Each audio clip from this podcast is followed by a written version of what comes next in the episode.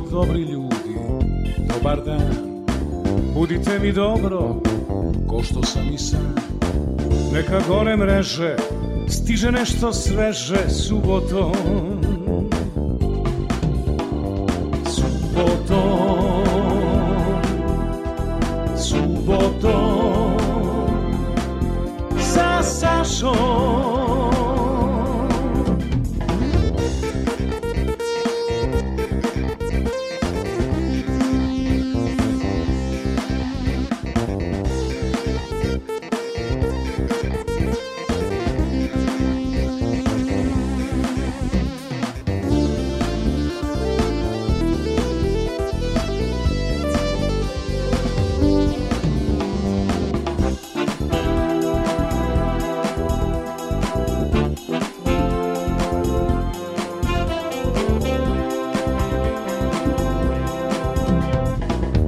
čekam na početku vikenda. Da me budi samo prava muzika Bez stresa skandala Samo dobra šala subotom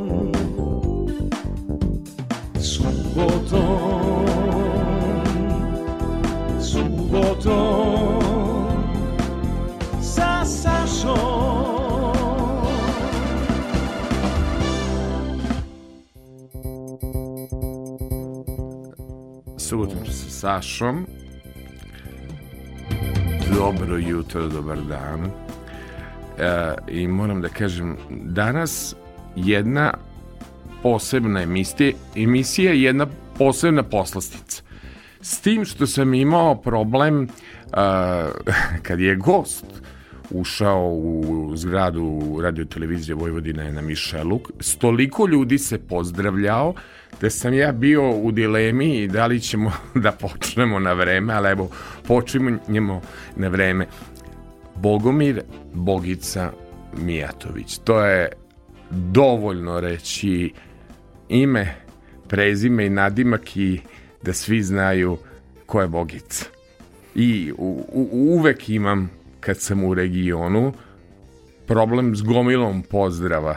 Ako ne pozdravlja Siniša Škarica, onda pozdravlja Žera iz Crvene jabuke, ako uh, nije onda onda pozdravlja uh, Rus Miroslav Miroslav Drljača, Elala, Miroslav Rus, uh, vođa ITD benda koga često slušamo, Gradske cure su ovde najomiljenija pesma.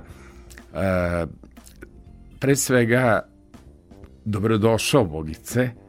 Moram na ti. Uvek. S, s obzirom da, da, da, da smo kolege e, skoro 30 godina i da je, ja računam da sam mnogo naučio o muzici, e, posebno o šlagerskoj, da si me malo uputio i na Senku, Veletalnić i na neke ove izvođače, na ovaj moj e, festivalski soft ukus. Naš povod za ovo jako lepo druženje je knjiga e, za koju je Siniša Škarica po meni e, čovek koji je toliko toga uradio je samo napisao uradio si fantastičan posao, znam o čemu govorim, ovakve knjige se ne uspoređuju, one se ne stupnjuju, one su fantastične. Kad to kaže Siniša Škarica, koji je zapravo institucija jugoslovenske diskografije, da ne pričamo o tome kako on piše, ali Bogica se, što je za mene jako bilo neobično kada mi je najavio, uhvatio jednog posla da se bavi vojvođanskom zabavnom i pop muzikom. To je ilustrovani i detaljni vodič kroz istoriju zabavne i pop muzike u Vojvodini, dakle enciklopedije u izdanju Solarisa, da kažemo. Imali smo i jednu lepu promociju gde sam imao čast da zajedno sa i ocom Adamovim govorim. I uh, pitao bih starog rokera, je se uvek znalo da je bogica roker, a da smo šlageraši, njegova supruga Marija e, ja i uvek nas je voleo da se našli da kaže gde ste vi što volite lake note, gde, gde ste šlageraši na kraju kao i Siniša Škarica kada je radio svoje antologije Bogice ustanovio, pa nije bila loša ta zabavna muzika. Otkud ideja Bogice da se uradi ova enciklopedija? Najpre dobar dan tebi i slušalcima i hvala na pozivu i da se ovom prilikom zahvalim ovaj, što si govorio na promociji na sajmu knjiga u Beogradu sa Jocom Adamovim. pa ova knjiga je zapravo trebala da bude moja prva knjiga, jer a, moj pokojni kolega iz muzičke redakcije Radio Novog Sada, Vlada Hajdfogel, 90. tamo sredinom 90-ih je objavio jednu knjigu a, njemu je bilo dosta nas rokera u, u, u redakciji i onda je napravio jednu knjigu o džez nekim velikanima, uh, popularni džez, naravno Mahali Jackson, Louis Armstrong i tako dalje. I ovaj šlagerašima, ima tu i malo narodne muzike, ali ta knjiga ima najbolji naslov koji sam ja ovaj čuo za u, što se tiče knjiga o uh, pop muzici u, u Srbiji u Jugoslaviji zapravo, a zove se rock and roll je došao kasnije. Da. E, dakle, činjenica je da je rock and roll došao kasnije, posle ovoga, a zapravo ja sam želeo da napravim ovo enciklopedija verovatno s najdužim uvodom na svetu. To sam primetio. Jer uvodi su pola strane stranica i nema. Zbog čega uvod od, ne znam, 30 strana ili koliko, 20 i ne znam ja. Zbog toga što sam želeo da pišem klasičnu knjigu da krenemo od samih početaka, pra početaka zabavne muzike u Vojvodini i da tako dođem do mm, evo, današnjeg vremena. Međutim, onda su mi savjetovali Siniša Škarica i Peca Popović i ne znam, Pera Jajatović i već ne s kim sam kontaktirao i žalio se na svoju muku i onda su mi rekli nemoj, završi, napravi to kao enciklopediju, i onda si zaokružio priču. Imaš vojvođansku uh, rock and roll enciklopediju, imaš NS rokopediju i imaš enciklopediju vojvođanske zabavne muzike i završi, Bogu hvala sam završio, baš nisam ljubitelj enciklopedija, ali bilo bi mi draže da sam ipak napisao knjigu ovaj, uh, međutim uh, ubedili su me vrlo rako. Rekli su, na primjer, sutra umre XY pevač. Yes koji je počeo karijeru 60. godina, a završio je znači 2020. Evo kao Ljilja Petrović, na primjer. Da. I sad neko treba da priprema emisiju Ljiljani Petrović i da čita i lista čitavu knjigu. Ovako ode pod slovo P, nađe Petrović Ljiljana i uzme i povodi šta mu treba i ima emisiju, ne mora se muči ovoj dataciji. Tako da eto, to je razlog, a inače emisija moje supruge na Radio Stotki koju ona uređivala, zvala se jednom u gradu ko zna kom po kompoziciji Angela Vlatkovića, je bila konkretan povod ovaj za, za, za pisanje ove knjige, jer je ona, ja sam slušao te njene emisije na radiju i onda ovaj, kasnije sam se setio kad sam završio ove sve enciklopedije, rekao ajde da, da, da uradim to, pogotovo što tu sve te ljude poznajem i poznavao sam i što sam uslovno rečeno lično sam prema sebi imao obavezu da sačuvam od zaborava pionire zabavne muzike u Vojvodini koje ćemo danas slušati u ovoj emisiji, nadam se. Ja samo moram da kažem e, da sam tipa prijatno iznenađen što si stavio tu i Natašu Bekvalac u smislu da si uvažio njen rad koji traje 20 pa, godina što, što si i Frajle stavio Apsolutno. koje su po meni e, devojke su izuzetne napad, izuzetan posao, mrzim tu reći region u Jugoslaviji bivšoj, su napravile izuzetan posao neko ko je zaslužen apsolutno. neko ko je predstavnik Novog Sada. Čak mislim da, da, da, da su po zvuku formirale nešto što bi se moglo nazvati vojvođanski moderni pop i da uspevaju ne znam da imaju pun Sava centar, jel, dok je funkcionisala Lisinski nekoliko dvorana i jest. tako dalje. Ovaj, a s druge strane su održale taj jedan e, kontakt sa ljudima iz bivše Jugoslavije, pa s kime li je Oliver Dragović pevo nego sa njima? Tako Jel je, tako? to je velika čast, mislim da kažem, znate šta je to, to je... U, u svakom slučaju, uh, obuhvatio sam kompletan period od nastanka do, evo, do, do ove godine dok se pojavila, a nema sumnje da su Nataša Bekvalac, ja ću, uh, kogod misli drugačije, ukrivuje Nataša je velika zvezda na prostorima bivše Jugoslavije i zapravo kad uzmemo Frajle su sastav Da. Nataša Bekvalac je posle Ljiljane Petrović u stvari jedina mega zvezda zabavne muzike u Vojvodinu. Svo poštovanje svih ostalih koji su pevali. I neko ko je napunio Beogradsku arenu Tako i je predstavlja jedan zvuk modern, pop, može da, kako bih rekao, da se sviđa ili ne sviđa, ali činjenice moraju da se uvažavaju, je tako? A pogotovo što znam nju od rođenja, jer je moja detelinarka, njen tata ja smo druga, tako je. Da. Njen tata i ja smo igrali futbol kao klinci, on, ja sam stario njenog oca, ali um, se školovao u futbalu na determinari. A kaži mi, ali ti mama Miro, znaš? Mama Mira je moja Karlovčanka. Ja sam Stvarno? u Karlovcima završio osnovnu školu, a Mira je iz Srenskih Karlovaca. I, I nikad mi nije bilo jasno zapravo, uh, Bogice, uh, ti si stvarno čovek koji kad mi napisao, a sigurno ćeš napisati knjigu o svim svojim anegdotima sa svojim drugarima s kojima si igrao futbala i o istoriji ljudi iz Novog Sada, nikad mi nije bilo jasno a Banačanin si, a opet si negdje iz Sremac, samo da mi objasniš te sve ovaj, um, karakteristike koje postoje u tvojoj ličnosti. Koliko ima Srema, koliko ima Banata, i bačke. Koliko, bačke da. Ja, ja u šali nekad kažem da ovaj sam jedan od redkih pravih vojvođana, a, mada mi koreni nisu odavde. Roditelji su mi a, gore od Brusa sa Kopaonika. A, dobro. a Ja sam rođen u Banatu, pa sam onda deo osnovne škole završio u Banatu, pa onda drugi deo u Sremskim Karlovcima, pa Zmajovinu gimnaziju u Novom Sadu i višu ekonomsku i sad živim ponovo u Sremu. Dakle, živeo sam u sva tri dela Vojvodine i zbog toga sebe smatram pravim Vojvodinom. Inače sam atipičan banaćanin, banaćani su vrlo mirni, krotki, Jeste. lagani ljudi. Ne, najkrotki deo. Apsolutno. O, oni su, kako bih rekao, idealni muževi. Znači, je tako?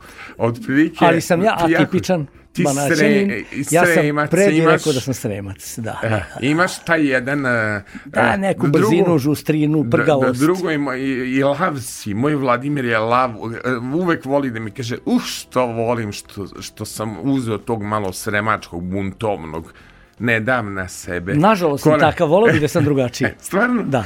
Ovaj, počinjemo s čime? Pa počinjemo s prvim vojvođanskim uh, izvođačem koji je imao čast da mu se ime nađe na jednoj ploči. Tu su one ploče na 78 Alberta, singlovi, s jedne strane jedna kompozicija, iz druge, s druge i ni, više nije mogla stane zbog brzine okretanja.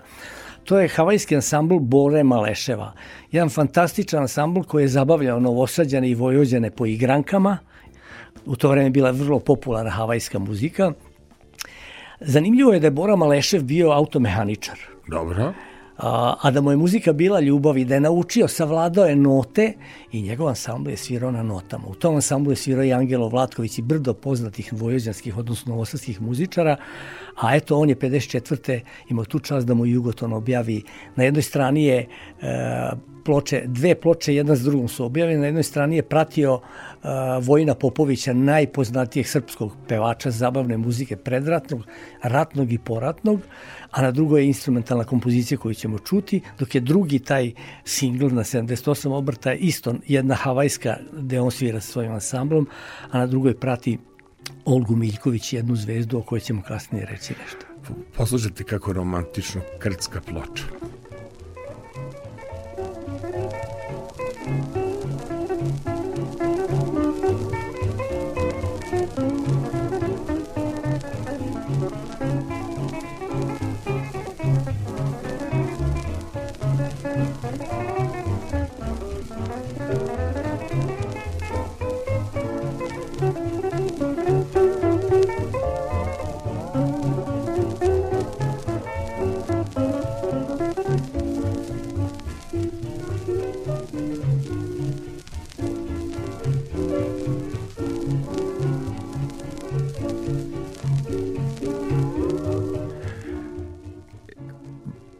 Zanimljiv podatak imamo iz biografije.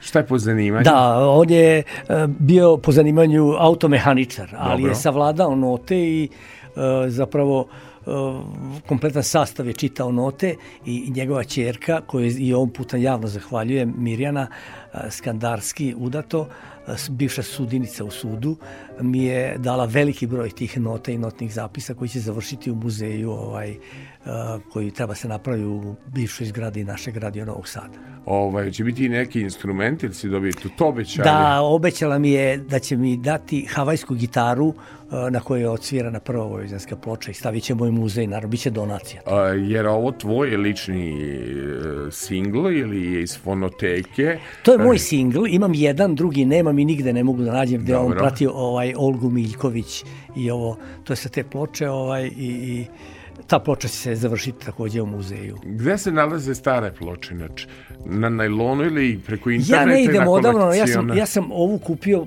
iz Pule negde preko nekoga i to je iz Pule je poslao Osijek jednom mom drugaru, uh, rock kritičar u Hadži i onda je on donao jednom priliku kad je dolazio na neki koncert ovde, tako da putešestvija su razne. E, sad pesma, na primjer, šta slušamo sad? Pa sad mislim da slušamo Čamac na tisi, da, ako e, se ne varam. To sam htio da te pitam koliko ta pesma ima verzije, s obzirom da je ja znam u verziji uh, Lole Novaković i Dragana Antića, čak znam varijantu da e, Suzana Mančić je pevala s Dušanom Jakšićem na njegovoj ploči. E, najslavniju pevaju Duško Jakšić i Olivera Marković. Jel tako? To je da. najslavnije. Oni su je, da, to je, oni su proslavili tu pesmu, međutim tri ili četiri godine pre njih snimljena je originalna verzija te kompozicije u Radio Novom Sadu. Moram da napomenem da je autor te pesme Darko Kraljić, po mnogima najveći kompozitor zabavne muzike na ovim prostorima. U krajnjoj liniji po njegovom imenu je i ustanovljena nagrada Darko Kraljić koja se dodeljuje najboljim kompozitorima i kad vidite da dobijao, ne znam, Rade Radivojević, Kornelije Kovač i već ne znam ko je sve dobio, onda ovaj, vidite vrednost tog čoveka i njegovog dela. Od 52. do 57. Darko Kraljić je bio muzički urednik u Radio Novom Sadu. E, taj podatak nisam znao. Po kazni, naravno, tad se to slalo pošto je za vreme rata svirao sa svojim ansamblom po Beogradu i tako dalje i tako dalje. I onda mu je direktor Radio Novog Sada Sabatka jednog dana rekao, gospodine Kraljiću, uh, vi pišete te vaše šlagere, ja bih volao kad biste napisali nešto i na vojvođanske teme. I tako je on uzeo i napisao Somborske ruže koje peo Duško Jakšić i proslavio Čamac na Tisi, čiju originalnu verziju uh, 57. godine ili 6. oprostite, snimio najpre duet Ištvan Boroš, stariji, ne ovaj Kuki mlađi da, koji je bio urednik da. na NS Plusu, njegov otac, i Olga Miljković uz klavirsku pratnju, ali je najpopularnija bila verzija koju on posle mesec dana snimio sa tada velikom vojođanskom zvezdom i mađarskom zvezdom, našom koleginicom takođe iz radija pokojnom Miro Gubik Stepanović. E, to je originalna verzija, dakle i drago mi je da će slušalci imati priliku da čuje kako zvuči originalna verzija Evergreena Čamaca Tisa. Meni je žao bio mi se malo neki desio kod mame u stanu pa izgorelo puno VHS kasete. Ja sam imao čast da razgovaram e, kad sam radio Evergreen Odiseju i sa Darkom Kraljićem i sa Acom Koraćem, s legendama, to, to, to su zaista neverovatni sagovornici, neverovatni ljudi. Bogice, moram da te pohvalim, e, ja slabo divanim mađarski, uvek slomim e, jezik, sem kad tražim langoš, ovaj, e, ti dobro, kako bih rekao? Ne, ja slovački razumem bolje, pošto mi supruga slovakinja.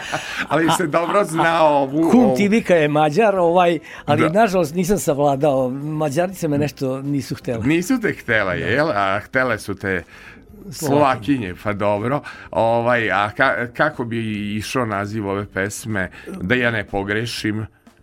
ne znam, na mađarski ne divani, što bi rekao Ne, ne divanice, ali ćemo onda kroz ali refren da zaključimo. Ali original naziv Čamas na Tisi i na mađarskom i na srpskom. E, znači slušamo, uh, uh, vidno je da je tu s nama Zoltan, on će svakako je prepoznao da je Čamac na Tisi, i je to prava verzija jeste. reszketően suttogtad, hogy szeretlek én. Égő tűz volt a szemedben, sétáltunk mi a ligetben, stréfált a hajkos esti szél. Oly réges rég volt, emlékszem én, lázas ajkol suttogtad, hogy szeretlek én. Örültünk a harangszónak, a tiszán ringott a csónak, s leszállt a csendes nyári ég. Véligedben mások járnak rég, és azóta már a két szemedben egyre halványabb a fény, hogy réges régol, emlékszem én. Sejtelmesen suttogtad, hogy szeretlek én. Örültünk a harangszónak, A tiszán ringott a csónak, szívünkben úgy égett a láng.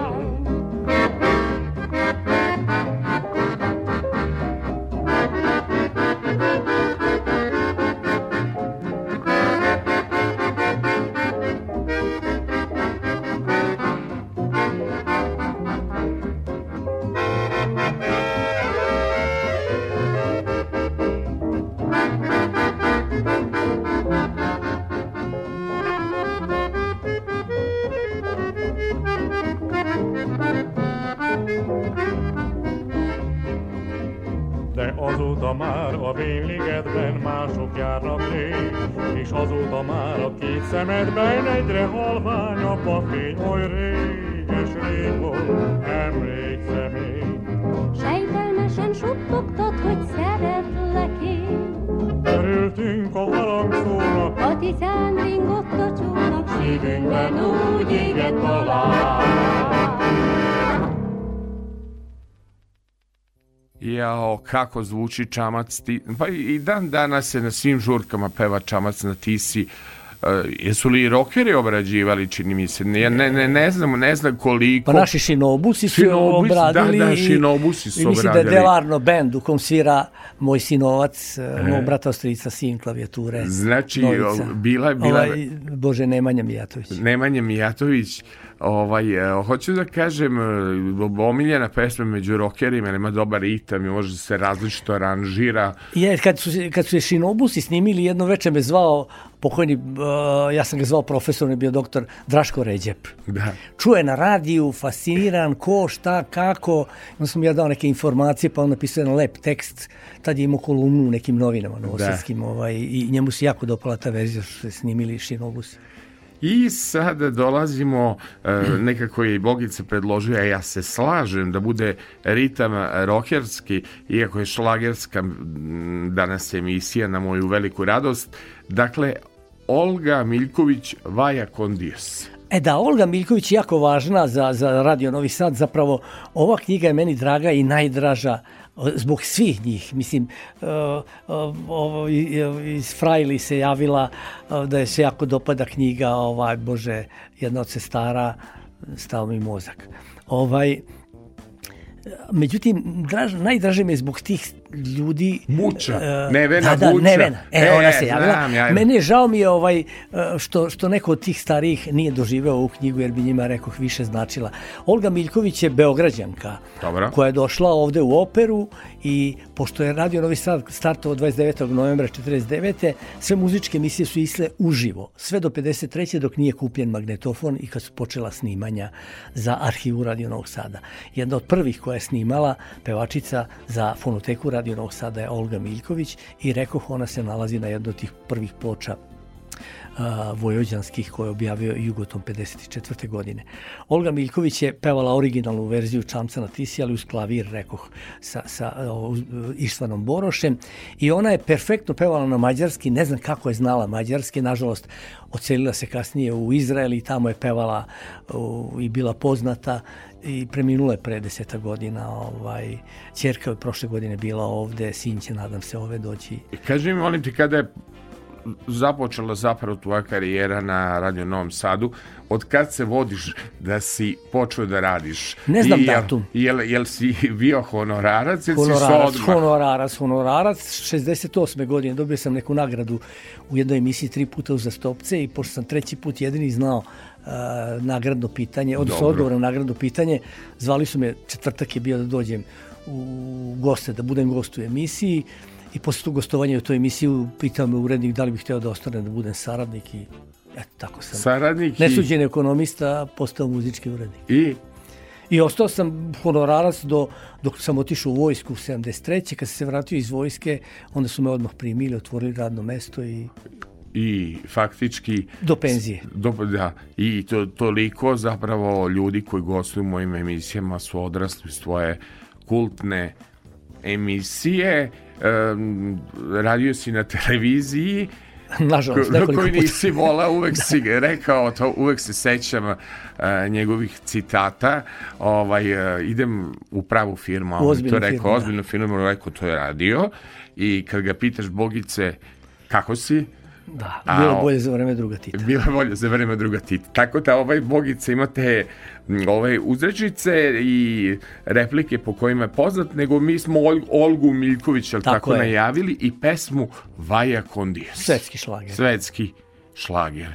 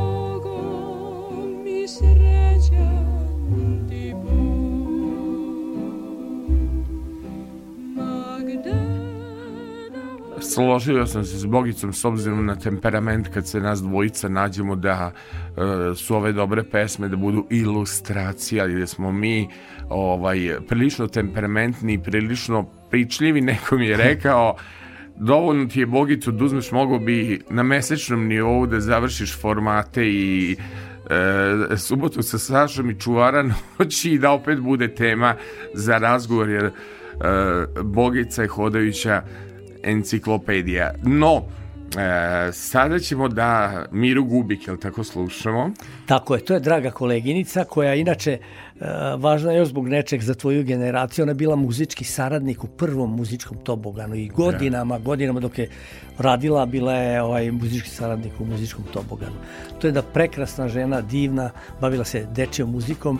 To je prva vojvođanska zvezda Ištvan Boroš stariji i ona u svo poštovanje Mirjane Boroš i Olge Miljković i ostalih to su takve zvezde bile ovaj kod nas i u Mađarskoj da da u knjizi ima jedna anegdota sa mađarskim predsjednikom Mirom Boroš koji je tražio da je vode tamo i tako dalje u? Mađarsku pa je ona stvarno uplašila pa išla kod Tita i rekla molim vas ne idem ja nigde. Ovi su obećali neku fabriku da će napraviti ako im damo mi rugubik. Jer Stvarno? ona i Ištvan Boroš su bili mega zvezde u susednoj Mađarskoj. Jel tako? Dakle, a Mira Gubik je meni uh, i slušalcima naša verovatno zanimljiva zbog činjenice da je 1957. u aprila meseca snimila originalnu verziju Kraljićeve kompozicije Zvižduk 8, koju je snimio 1959. godine i objavio na svojoj prvoj uh, long play ploči, to su ne manje ploče od long playke, a veće od singla, a to je prva long playka koju je objavio PGP RTB pred Đorđev odlazak u vojsku Da. i to je pesma koja je Đorđu napravila karijeru. Yes. Zahvaljujući toj pesmi on je postao mega jugoslovenska zvezda i to je trajalo sve do kraja 60. godina. A originalnu verziju, dakle Zvižduka u 8 čućete sada u izvođenju Mire Gubik i uz pratnju ansambla Angela Vlatkovića. Hajmo da čujemo originalnu verziju ko nekad u osam prođem ulicom tvojom.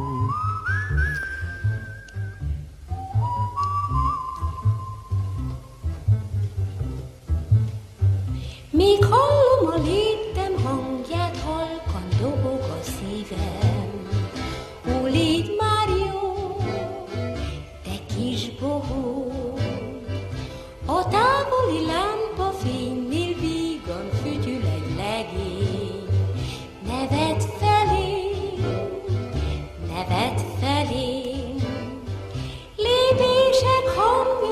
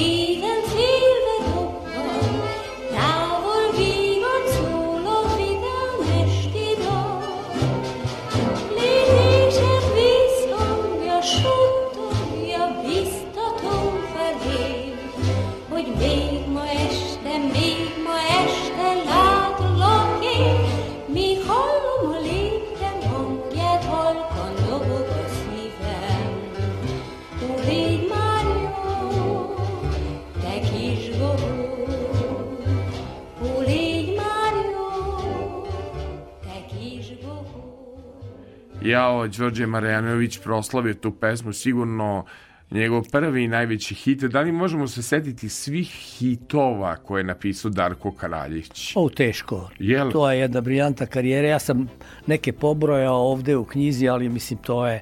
I ono što je zanimljivo da je on pisao izvanredno i u poznim godinama, tamo od 90. godina što je uradio sa Bez Slađanom nade. Milošević, bez nade sa Slađanom Jest, Milošević. Ljubavaha ljubavi onda na sa malo. ekstra nenom, to su dve Soborske fantastične... ruže, ti si taj. To je, tak, takav se rađa jednom u 100 godina, ovaj, takav autor ovaj, koji, koji kao Darko Kraljić i ja sam ponosan što sam bio član redakcije u kojoj je on proveo eto, mnogo manje godina od mene. A i e, kako on doživljavao taj posao svoj e, muzičkog urednika? On je u jedno vreme putovao Je je putovao, da. vozom i ovo, njegova ćerka mi je ispričala jednu divnu priču, ovaj, pošto su uh, imao je devojku u Beogradu i njeni roditelji su bili protiv te veze. Da, Muzičar da, da, da, bude da. zet, to je, treba biti neki lekar, apotekar Da, i ne da, znam da, ja da. šta. I onda je ona pobegla jedne zime Dobro, a, da dođe kod Darka ovde u Novi Sad. dobro. A, a, I Darko je to čekao na staroj železničkoj stanici, to je sad, tu je sad ova limanska pijaca, tu je bila železnička stanica i tu je Darko dočekao po snegu, u neki šal, u neki kaput sa jednim violinistom koji je svirao ovaj, dok, dok su oni odlazili do kuće. Ovaj. To je romantika, to je vreme romantike, takve su bi pesme bile, takav je Devojko velika- mala, hoćemo se setiti. Da, to Ljubava. je isto napisao, pa E, ljubav. ljubav, i moda, pa mislim, brdo tih Sve što, to su, što je Đorđe Marjanović pevo, Đuza Stojiljković, jel tako? Ali ja mislim da Đorđe pokojni nije znao ovaj, da, da on nije prvi ovaj, izvođač Da, Zvizdukov da. osim. To je malo ko zna, evo, to ima u toj knjizi i to sad smo Pa evo, ja ispravili sam, nepravdu. Ja sam prvi put eto saznao dakle za tu informaciju. A onda postoji jedna jako tužna pesma iz 1961. godine i e, gledao sam, e, ja bih ih nazvao Gretu Garbo, e, domaće zabavne muzike, uvek mističnu, e, Lolu Novaković, veliku pevačicu ili pevačicu sa svojim hirovima, jer, velika umetnica ima pravo na hirove, ja bar to tako mislim i tako mi je neko životno iskustvo. Međutim, e, jedna od njenih pesama koja je vezana za Radio Novi Sad iz Angela Vlatkovića je zapravo ta pesma jednom u gradu ko zna kom. Da, tekst je napisao Slobodan Marković, Libero Marconi, pesnik čuveni. Dobro. a snimljena je ovde kod nas. Autor je Angelo Vlatković. Angelo je važan zato što je on nasledio Darka Kraljića. Kada je Darko Kraljić 57. otišao za Beograd, Angelo Vlatković je, koji je bio stomatolog, inače u Domu zdravlja ovde u Novom Sadu, Stomatolog, stomatolog, onda su ga zvali da on dođe da bude muzički urednik u Radio Novom Sadu. A pošto je bio muzičar i svirao po igrankama novosadskim i tako dalje, onda je ovaj, naravno on to prihvatio, hteo ne hteo zapravo morao je i onda je on, čim je došao 57. godine, 1. juna ustanovio jednu emisiju a, koja se zove Randevu sa muzikom, koja je verovatno najstarija emisija u Evropi, a verovatno i u svetu, koja i dan danas ide u tom istom terminu i isto se zove. Angelo im je ustanovio i bio je prvi urednik, nije bio voditelj, puštala se samo muzika uz spikarsku najavu. Ali Angelo važan kao kompozitor koji je napisao pre ovog hita, imao jedan jugoslovenski hit za povratak tvoj koji su pevali Krsta Petrović i Zdenka Nikolić da. operska pevačica iz Novog Sada, inače, ovaj, a jednom u gradu ko zna kom, eto imao je čast da mu otpeva Lola Novaković koja je to vreme onako bila u uzlaznoj karijeri i to je velika pesma i po njoj, drago mi što je moja supruga po njoj nazvala svoju emisiju koja je godinama išla u, na Radio Stotki, posle i na Radio Novom Sadu jedno vreme, ovaj, jer je to eto naš dug našem pokojnom šefu, velikom čoveku, velikom kompozitoru.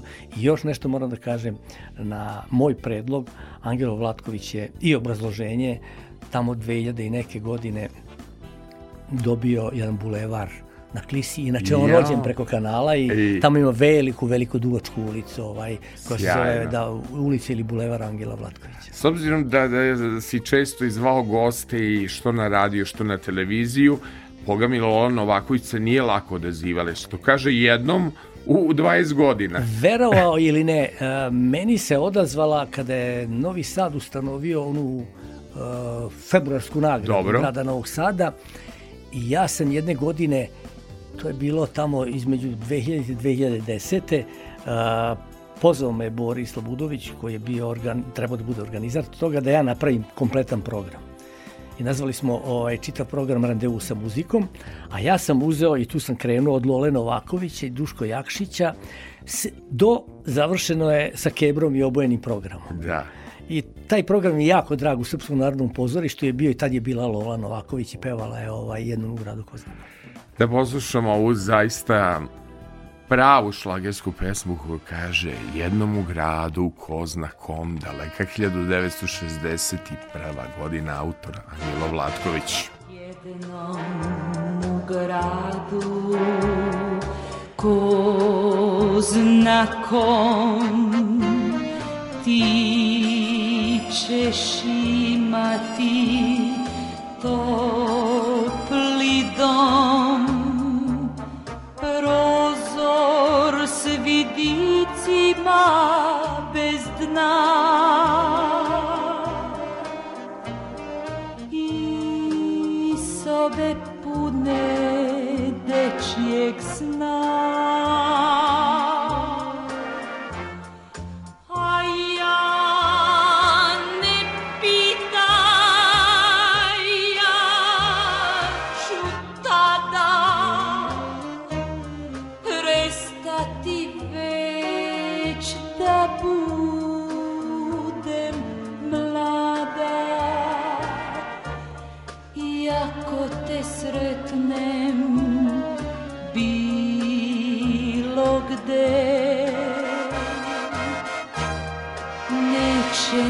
Neće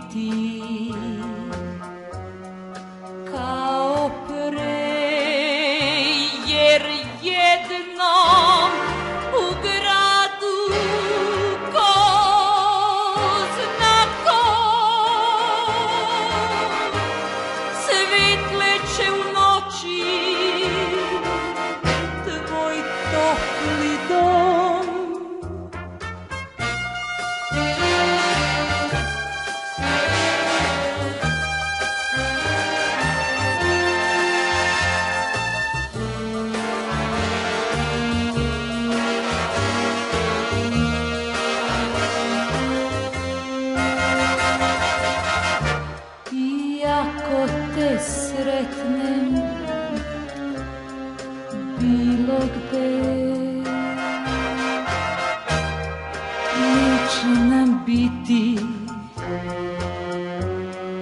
kao pre Jer jednom E, tako, tako.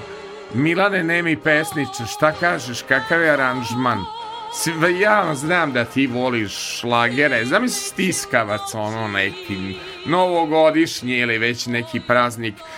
Kristijan Lotrean, moj producent, organizator, telohranitelj Anđeo Čuvar i overevač papira preko arhive. Ovo, jel ti se sviđa ovo? Ja znam da ti kažem jednu stvar, da sam ti obećao emisiju o Marijama. Ali jedna od ključnih Marija, obećao sam da ću je pokazati zgradu uh, radio televizije Vojvodine, Marija Mijatović, Bogicina supruga koja je mnogo pomogla uh, oko realizacije ove uh, knjige i ja moram to jednom da je vodim na kolače i da je ispunim želju ovaj da to i da pozdravim celu porodicu, naravno da pozdravim Marinu, moju organizatorku tabloida, sećam se onog istorijskog rekorda kad smo u jednom danu snimili tri emisije, uključili Tajči na Skype i uh, Gorana Bogdana i Tarika Filipovića, znam da taj dan sam rekao Marina vidiš da su čuda moguće tako dalje. I naravno da pozdravim vladu tvog sina i obavezno moramo pomenuti ovo troje dečice koje e, su ti dali veću titulu od lorda Sera Vojvode Šejka, princa kralja i cara. Koju si dobio titulu? A titulu dede, to su moji unuci ovaj, Simona, Teodor i Sara i njima sam posvetio tu knjigu bez obzira što ih ta materija ne interesuje, pogotovo ovu tinejdžerku koja sluša svetsku scenu. Kod Da, nas. vidi, kod, kod, kod tinejdžera je to neverovatno. E, genetika je čudo i nikad ne znaš kada će da proradi. Ovaj, e, šokiran sam bio s obzirom e, Taylor Swift i ove nove pesme da Vladimir sluša kad mi se pojavio s TikTokom i kaže ej, čuje ovu pesmu oko moje sanjivo magazin Tata, što ste vi slušali dobru muziku, što je to pitko, zanimljivo. Tako da, eto, i kroz TikTok dopre do dece e, e, i mladih ljudi nešto što, što je e, bitno, a ja, ja moram samo da se zahvalim svim mojim ovim e, slušalcima koji prate nas na društvenim mrežama i požele Ti znaš šta je Milan Nemi pesnik poželeo? Ne. ne idu oči tvoje govore, pa ja pao uh, ovde pod sto, ja sam mislio neko te nagovarao. Tako da i imao izuzetno lep šlagerski ukus, što nikad ne bih, na primjer, od pevača tako alternativnog benda očekivao. Tako da, ovaj, uh, e, Saša, o, volim što mi se konačno jednom emisija zove po mom lepom imenu, jer što bi rekla Bilja Krstić, ipak sam ja jedan Saša iz voza koji je voleo indekse i korni grupu, naša draga prijateljica Bilja Krstić. Ko je Saša Popas? Saša Popaz je pančevac, dakle moj banaćanin, uh, uh, koji, verovao ili ne, od kraja 50-ih peva po igrankama u Beogradu. 62. je objavio singl ploču i on je prvi roker zapravo. On i Perica Stojančić tu maltene. Perica je malo kasnije njegovu Lučiju, on je napisao tekst za Lučiju. To je ovaj obrada svetskog hita uh, Little Richarda, tako da je uh, Saša Popaz zapravo čovek koji se čitav život, pa i dan danas bavi muzikom, i dan danas peva po kruzerima širom sveta u ovim godinama. Stvarno? A, prvu ploču je snimio 1962. Znači koliko je to pre 60 godina? I Koliko? pretpostavljam da je vitalan, Oženjen je da Poljakinjom, oženjen je Poljakinom i meni je drago što je Vojvođanin eto snimio ovaj prvi rock and roll EP ili single. Mislim da je bio EP sa četiri pesme. Da. Jedna od njih je Lučija. Čućete kako on ima svaka njemu čast eh, kad u tim godinama eh, radi i svira. Znači, ajmo da čujemo tu luču. Meni se već sve sviđa što je brzo i što je dinamično i što je eh, tako temperamentno u tim 60. godinama, mada su mi, kažem, daleke te 60. Ja ipak bolje poznajem 70. a najbolje poznajem 80. što je vezano i za moj neki uzrast. Dakle, ajmo da čujemo Sašu i Lučija, u dobar ritam.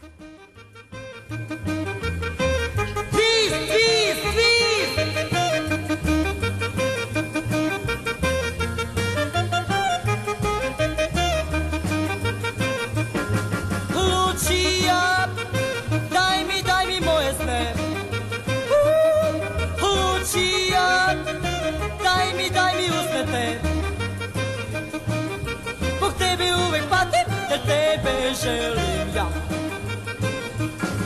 Lucia, vrati meni moje sne. Lucia, ispuni želje moje sve. Zbog tebe uvek patim, jer tebe želim ja. Za tebe ću dati sve, ti to dobro znaš Zbog tebe ću biti lud, neka svako zna Lučija, daj mi, daj mi usne te Zbog tebe uvek patim, jer tebe želim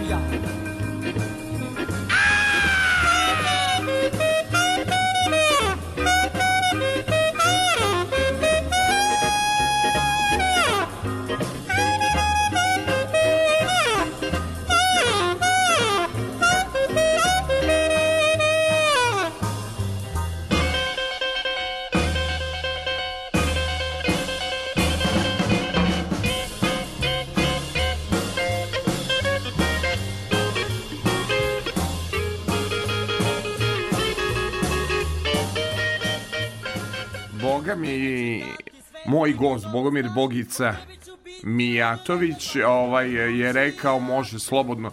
Jao Bogica, kad si bio urednik, jer se smelo mnogo te hvale tvoje e, Saradnice. saradnice sa radio stotke gde si bio urednik, kaže strog, a pravičan.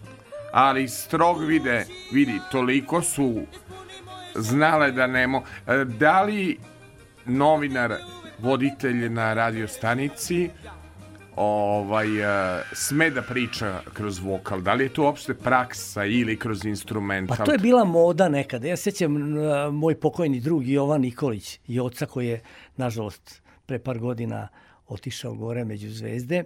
Bio je najbolji od nas svih u, klinaca iz te i Vita Čupko, ja, Karol Kovač i oca je bio zaista najbolji. Dobio je nagrade na, oh, na Ohridu za svoje emisije redovno. Snimao mu je Ivan Fece, stariji Firčijev tata.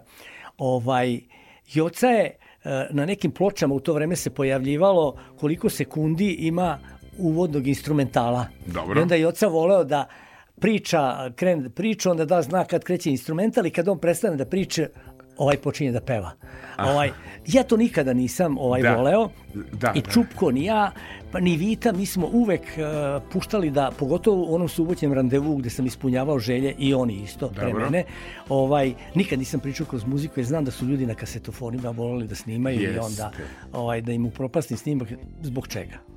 A, e, to je za... Ali zbog dinamike emisije i subota pre podne, pošto sam ja, ja sam bio prvi ured, muzički urednik emisije Subotom sa vama, Da. koja je u ovom terminu išla od 8 do, A kaži do, mi, do, do niste, 12. niste mešali ovaj, kao što ja mešam, ja pustim i narodnu muziku koja je prošla u početku, u subotom sa vama je išla i e, Starogradska koju je voleo prvi urednik e, Duško Janić i tako dalje, a kasnije smo prešli, ovaj, čini mi se, sa, ne, na stotki, a subotom sa vama je imala Starogradsku po koju čak i goste neke, Minja Sovilje bila gošća, ne znam, Ali, zaboravljam ko. reci mi, ovaj, znači, domaćice ste puštali samo ili stranu muziku? I stranu, i domaću, Sve. i subota prepodne. Naravno, znate, biti muzički urednik u emisiji je vrlo ovaj, odgovoran i važan posao, ma, mada to nekima izgleda, ono, znaš, sedneš pa puštaš i tako dalje. Dakle, leti, kada su ljudi na štrandu, ne može da puštaš ba- balade neke i tako dalje u subotu samo. Možda bude svetski hit kakav god hoćete. Ne ide, pada tempo, život je, sve vrvi, grad vrvi, a ti ne znam, usporavaš. Ne ide, kao na autoputu kad bi vozio 50, pa svi bi ti svirali. E, Meni su rekli nemoj slučajno, tolike su saobraćajne gužve često po Beogradu i kad se ide, nemoj slučajno da mi puštaš balade previše subotom, to je to. Upravo to. Nego, jako mi je bio taj, ta zanimljiva anegdota iz života, ovaj, Naravno da je Bogica preslušao subotu sa Sašom da vidi koncept kako to izgleda i najbolji komentar koji sam dobio je bio molim Party Breakers i a, ovaj, u emisiji Saše Filip. Nisam ja tražio nego Miloš Urošević, urednik Ne, i tog voditelj. trenutka se, izvinjavam se, tog trenutka sam ja uključio radio. Dobro, i čuješ Party I Breakers. čujem Party Break i rekao, evo, skinuli su Sašu i sa radija. Međutim, posle ovaj, se ispostavilo, Bogu hvala, da nije. bio sam neobičan i na radiju kao pojava kad sam, kad sam ovaj počeo, ali ulazimo da, da idemo na promociju sedi i oca Damova, ja sam Toboganđija stari i sedi Marija Mijatović i Bogicu i kaže Bogica, Party Breakersi, ovo nije Saš Miloš Urošević, ili tako beše, sa prve televizije urednik emisije 150 minuta je tražio Party Breakers, mada je posle tražio i Vidu Pavlović, ostala je pesma moja i tražio je indekse baladu. Volim kad ljudi tako šaraju sa tim muzičkim izborom, nego mi se zapriča smo, nego šta nam sa... E da, vrbe. Vrbe, imamo mnogo lepih priča o Stevi Zariću. Ajmo da čujemo e, pesmu Vrbe, pa ćemo onda pričati koga sve znamo iz porodice Zarić. E, dakle, e, Stevan Zarić i Vrbe hit Zdenka Runjića 63.. festival, omladinski festival tu je ta pesma nastala.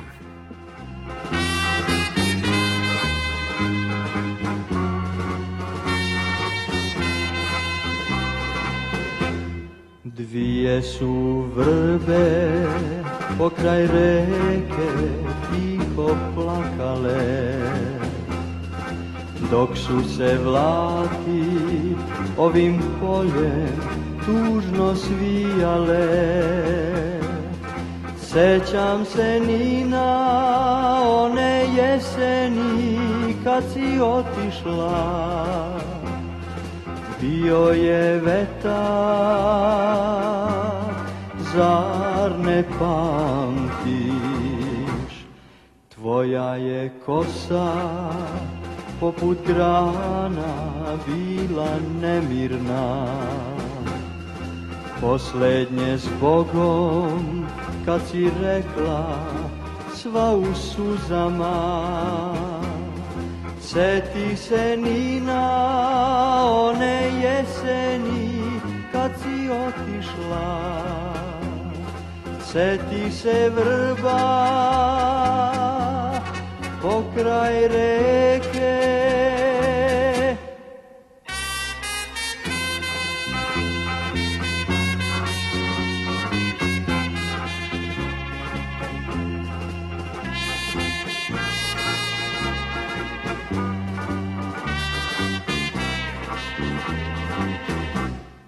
Tvoja je kosa poput grana bila nemirna. Poslednje s Bogom kad si rekla sva u suzama. Seti se Nina one jeseni kad si otišla. Seti se vrba. E, Bogomir Bogica Mijatović i ja smo se setili zapravo, ajde samo da kažemo dva podatka, koliko je Novi Sad nekada, podlačem to reč, nekada, bio mali grad. Zapravo, ja sam zao, e, živeo sam u Rumenečkoj 135, vrlo dobro znaš Bogice gde je to, preko puta je stadion Novog Sada, a u, u ulazu 133 sta, stanovo je Zare Rocker, e, e, Stevin Sin. Osnivač grupe Ateist Rap. Jedan od osnivača grupe Ateist Rap. Basista prvi. Ali e, Pokojni, nažalost. Fa, fascinantno ovaj da mi smo se družili i da je fascinantno da je on meni um, prvi pustio ploču nedovršene priče novih fosila i ukazao mi na izvanrednu produkciju Rajka Dujmića i kako su zapravo po njemu fosili bili naša verzija grupe ABBA o, odmah je to meni bilo jako neobično da jedan rocker tog Punker. punker da sluša nove fosile i da čuje ovu kaže pesmu čuješ li me jel ti drago ili šuti moj dečeče plavi to je bila ona s žutim omotom Đurđica Barlović vidi producirano je u Italiji čuj zvuk. Tako da smo slušali šlagere ono e, ovaj Zare ja, a zanimljivo bio je naš gost u emisiji subotom e, sa Sašom, jako mu je i, svaki neki dokument koji dobije e, o svom ocu, da, da naj, jedan od najboljih, znači čovjek za koga ne postoji prepreka da vam popravi kompjuter. On popravlja i daljinski sin, da jeste, ne bude to, je, da jeste, to je drugi sin. Ovaj, Stevin. Stevin. Uh, Bane, e, on uh, sve što nađe ovaj uh, da je vezano za, za nisam mu javio za, za enciklopediju da izašla, moram da mu javim ovaj, uh, on je meni na primjer doneo snimak uh, Steve Zarić kad je bio u emisiji Evergan Odiseja 95. godine i kad je baš pevao te tu, tu pesmu Vrbe. Samo još ja da kažem jedan podatak pa ću da dam reč Bogici. Ja inače Vrbe znam, s obzirom da je autor Zdenko Runjić, jedan od najvećih kompozitora Jugoslov, ovaj, jugoslovenske zabavne muzike ili ajde da tako kažem dalmatinske zabavne muzike. Zapravo je tu pesmu posle dao Miši Kovaču Miša ga je ospevao na svoj neki način i dao je Petru Graši, čiju popularnost naravno znam. Meni se lično Stevina e, interpretacija više e, sviđala, mada se mnogi kunu u Mišu u smislu njegovog falša. Jer nisu čuli Stevu. E, šta ti imaš da nam kažeš o vrbama? Ovaj, Pa vrbe su pesma sa, sa omladinskog festivala To je festival koji je pokrenuo 61. Josip Kovač, otac da. Kornelija i Miše Kovača da bi dao šansu mladim e, tim autorima jer je bilo nemoguće e, doći na, na, na ne znam, Opatijski festival i ne znam te velike festivale. I taj festival je jako, jako važan i o njemu ima priča u ovoj enciklopediji. Naravno i o Josipu Kovaču kao osnivaču i Jančikinu koji je zajedno sa Josipom osnovao. 63. godine, 61. i 2. taj festival je bio zapravo lokalnog karaktera. Tu su učestvovali e, subotički muzičari, subotički kompozitori, subotički pevači, Kornelije Kovač. Um, Uh, Silvester Leva i čovek koji se posle proslavio uh, imao je broj 1 na Billboardovoj top listi 75. godine ako se ne varam Fly Robin Fly čuveni Uh, hit to je, čuveni ima, hit. ima i njegova biografija ovde on je Dobro. jako srećan poslao sam mu biografiju bio da je pogleda i da mi da primetbe samo je dodao jedan musical koji trenutno radi da ga ubacim u knjigu i ovaj uh, jako je Silvester zadovoljan tim. No, dakle, i 63. godine sve pesme kao i na Zagrebačkom i ostalim festivalima su se izvodile u dve verzije. I Vrbe jednu, jednu varijantu je pevao izvesni Svetozar Litavski se zove. Uh, mislim da je on Slovak iz, iz Subotice tamo. Ja sam čuo bio s njim pre nekoliko godina i on je bio jako nesrećan što mu nisu dali šansu da on otpeva. Međutim, iskusan lisac Aca Korać koji je već otišao u Beograd je ukapirao a, čuo je odličnu pesmu mladog kompozitora koji je dotad bio nepoznat i čuo je dobrog pevača ali taj dobar pevač je pevao druge pesme koje nisu bile tog kvaliteta i na njegov predlog je a, u Beogradu uz pratnju ansambla Ace Koraća i aranžman Ace Koraća snimljena ova verzija Vrba koju svi znamo ovaj, koju je otpevao Steva Zarić. Naravno, ajde sad ti... I o Stevi još jednu moraš ti Dobro. reći informaciju. Steva je kasnije bio uspešan tekstopisac E, i tu ću- napisao jedan veliki hit To želim i da kažem, nisam pustio s obzirom da non stop traže u pesmu. Pitanje za režim, ima vas trojica. Vi znate da smo poslednje emisije sve imali ove novosadske genijalce iz Slagalice i Spotere. E, da vidim kviz. Neću vas pitati ko je autor teksta. Ove noći jedna žena mirno spava. Da li ste čuli tu pesmu? Dakle, molim da podigne ruku ko je čuo jedan. Zoltan čuo, dobro. Kristijan. Jo, dobro, ali ne, neće me njega, ono jako voli, samo da ti kažem, kad mi ono, kaže Kristijan, kad krenem pa kad čujem Neoplanteji koji si znak, da li postoji uopšte radio emisija u ovoj zemlji gde mogu da čujem takve numere kao što su grupa Neoplanti. I oni, Dobro, su, I oni su ovde. Znam, posle ćeš da mi nešto kažeš i, i, i, i O toj tajnu, tajnu i o toj pesmi, kako je ta pesma nastala. Vidi, kad sam video da je tekst Đorđe Balašević, znao sam odmah ko je u, umešao prste, nego hoćemo ovaj Lilihip da puštamo. Može. Jel, jel može sada, da, došao može, red. Ko može. je Tamara Sarić? To ja nisam E, za nju ni... Tamara Šarić je Šarić. Šarić, Jena, da. a Sarić, Tamara Šarić je ale- uh, jedna subotičanka koja je počela karijeru na omladinskom festivalu kao klinka, tineđerka, možda imala 14-15 godina.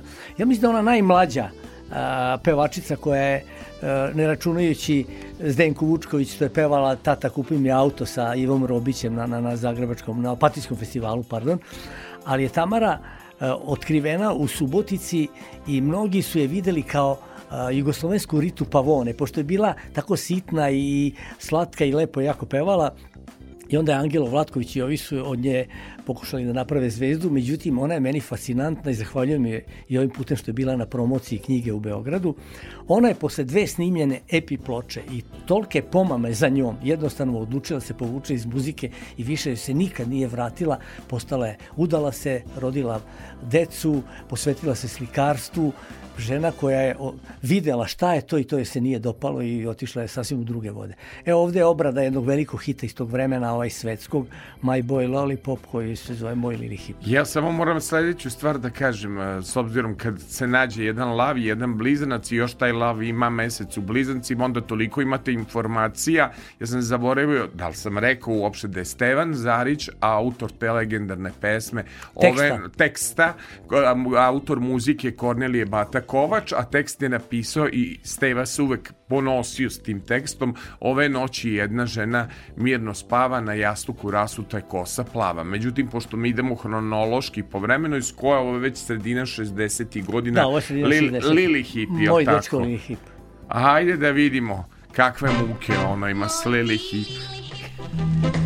Za mene ti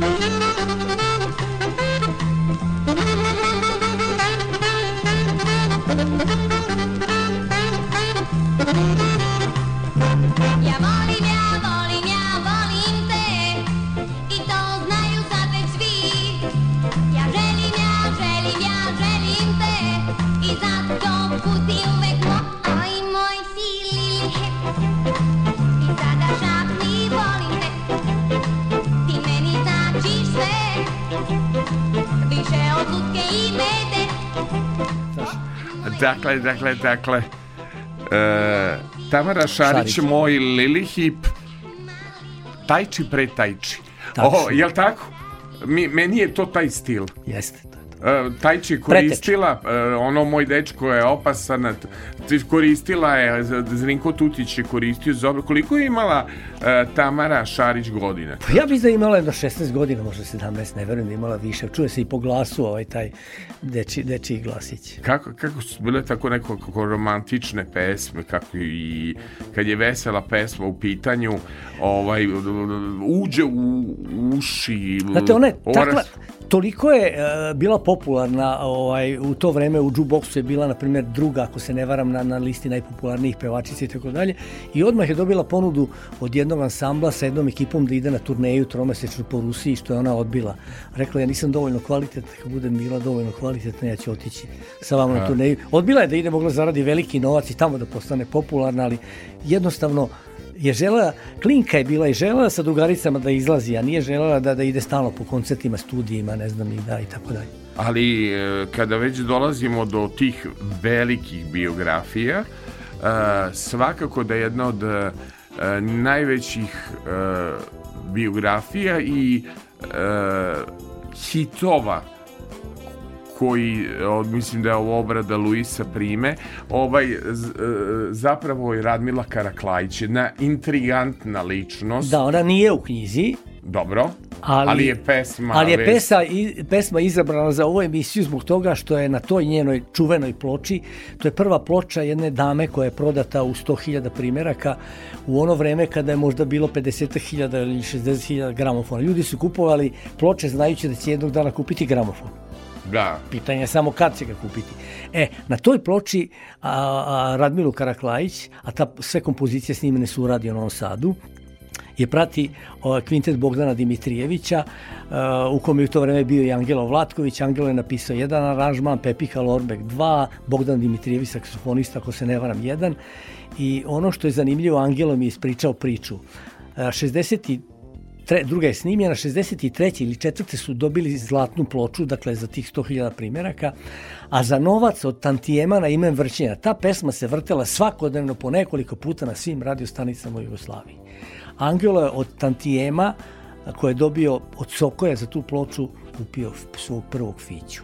Fiću je kupio. Tako je. E sad vi izračunajte kako je to bila ozbiljna država i zašto ja kažem da je bilo bolje za vreme druga Tita. Inače, kad je počinjao treći kanal, on je počeo pri kraju stare države, znam da je Ivana Bojić kupila Juga od honorara koji je imala na trećem kanalu, kada je on zapravo osnovan. Kupiš Jugu, sve se moglo ovaj to. E, Radmila Karaklajić specifična ličnost, specifičan privatan život. Ona je ženski Đorđe Marjanović. A, Ona se na bini ponašala kao Đorđe. E. Igrala je, plesala je, u krajnjem li kao u onom spotu za Anđelinu na plaži negdje Jest. sa onim mornarima. E, to je ona bila. I zapravo ja sad pitam Bogice, pa da li si ti radio onaj show program gde Lola Novaković jednom u gradu, ko zna kom, pa gde je Steva Zarić vrve, pa ovo Anđelina Zum, sve su, su u tom show programu ovaj, e, pes, pesme koje si ti odebrao. Kaže, pravo da ti kažem, Saša, ne znam, toliko sam radio, stvarao, i bilo je i nedeljnog, nedeljne popodneve sam bio muzički urednik i u Promenada. promenadi, znači to je od toliko, našeg dopisnika, od našeg muzičke do- emisije. Radilo se mnogo. Pa Dosta se radilo ovaj, i bilo je i uslova da se radi i i imao si šta da radiš. Danas ne znam, ne znam šta bi mogao da radim. Rokere bi znao šta bih. Ali od ovih pop muzičara Ja. našlo bi se nešto. Ima tu u regionu da se nije raspala država, ima tu dobre pop scene. Hrvati Da. imaju bolju pop scenu. Imaju bolju i pop i rock scenu, Rock čini mi se. možda nije tako bolje, jel? da, ne, ne, pop. ne, ne, ne. A pop ti je dobar, jel? Pop, pop imaju odlično, to je baš, to je, mislim, Da. to su vrhunske. 90-ih, tek je 12 sati, Jel pa to je tako? svetski hit bio to. Jel tako? Tako da imaju, zaista, uvek su imali kvalitetniju pop scenu. A naš je rock još bolji, dobar je. Pa imali su i oni dobar rok, ali naš rok je trenutno rock, bolje. ja. Mada, mada su njihovi ti stari bendovi, na primjer, to je kad vi odete na koncert Parnog Valjka, vi imate utisak da gledate svetski bend. Tako je. Eaglese ili ne znam koga, to je, to je tako utegnuto, to je, mislim, mnogo su ozbiljniji po tom pitanju i gledate njihove TV emisije, na primjer, ona druga strana Jest. ploče, mislim, to je produkcija da se ne postidi ni BBC, ni najbolje američke televizije. Ja nešto se odušen kad čujem Gibonija kako to uradio. Ja, Nikša nedavno sam ga Bratoš. video tu, da, da, da, Ovaj, da, u Novom Sadu je e, bio.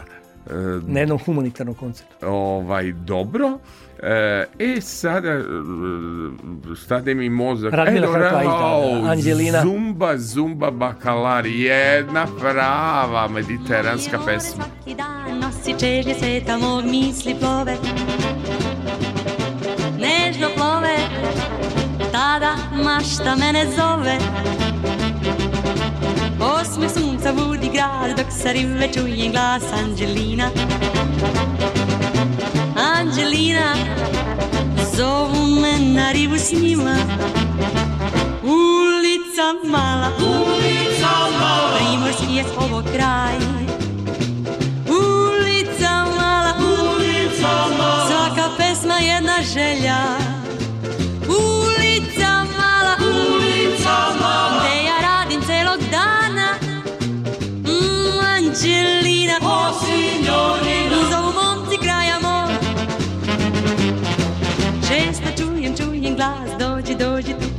nas Anđelina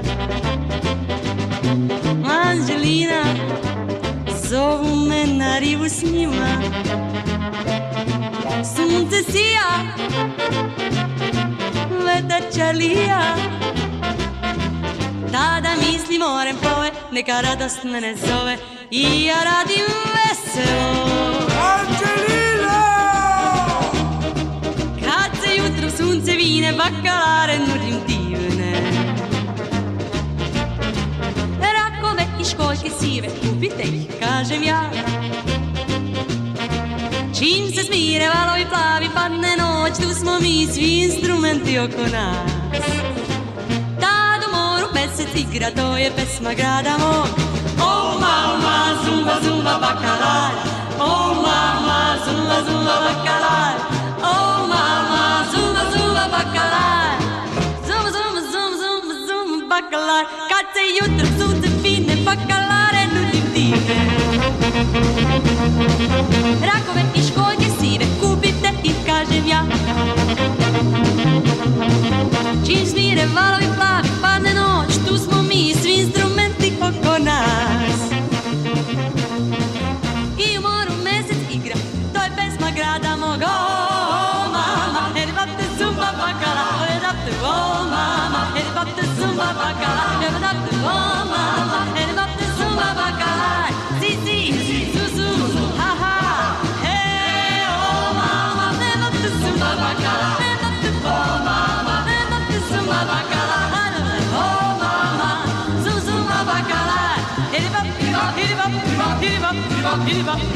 hip, hip, hop, hop, hoop, hop, hip, hip, hoop, hoop, oba, oba,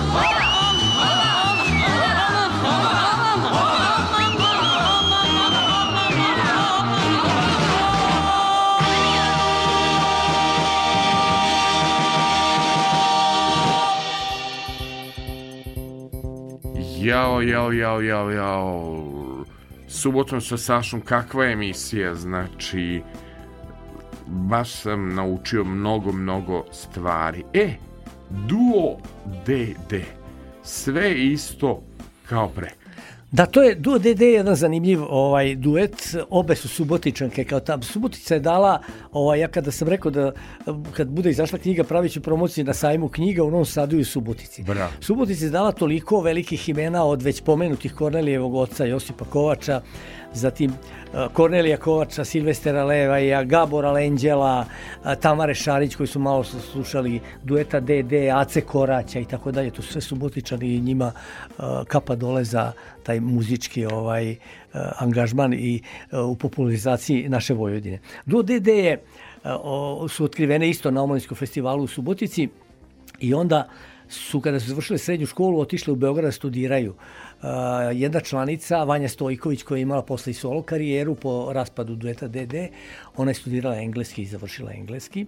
A Mira Pejić je čuvena glumica Mirjana Pejić koja peva i starogradske pesme i supruga Armenulić, a, Armenulića, poznatog teniskog trenera. Inače Mira je igrala i u uh, musical Kosa, Yes. prvoj verziji kod nas, ovaj, koji su gledali, inače autori Kose iz Amerike su došli i gledali i rekli da je to najbolja verzija posle njihove američke. Jer i Dušan Prelević igrao. I Prelević je igrao tako, i glumci igrao, Branko Kockica je pevao isto i tako Ka, dalje. kad smo već kod Da. Subotica, ajde, po, s obzirom da imamo puno slušalaca iz tog grada, ovaj, moram da kažem samo e, muzička porodica Kovač, znači imamo oca, jel tako? Ne, imamo dedu, E, dedu, ajmo redom. deda je bio muzičar, Dobro, pa Josip Dobro. Kornelijev otac muzičar, pa Kornelije i Miša je završio muzičku školu, ima i jedan singl, pevao i tako dalje. A, Miša, Mihajlo brat Mihajlo Kovač, Ko, čuveni novinar, čuveni novinar. ambasador u Beču bio 90. 2000 i neke godine. e, A inače on bio, dok je studirao u Zagrebu političke nauke koje si ti završio u Beogradu, Jest. a on je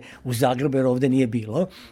On je tamo bio ovaj, čla, kratko vreme član grupe Ohara i to u vreme kada je na audiciju došla jedna pevačica koja ga šokirala, a to je Josipa Lisac. On je bio na A. njenoj audiciji, bio član grupe Ohara, I u kojoj ona počela. o, tada je zapravo i oduvala Josipa Lisac Jeste. kad se pojavila.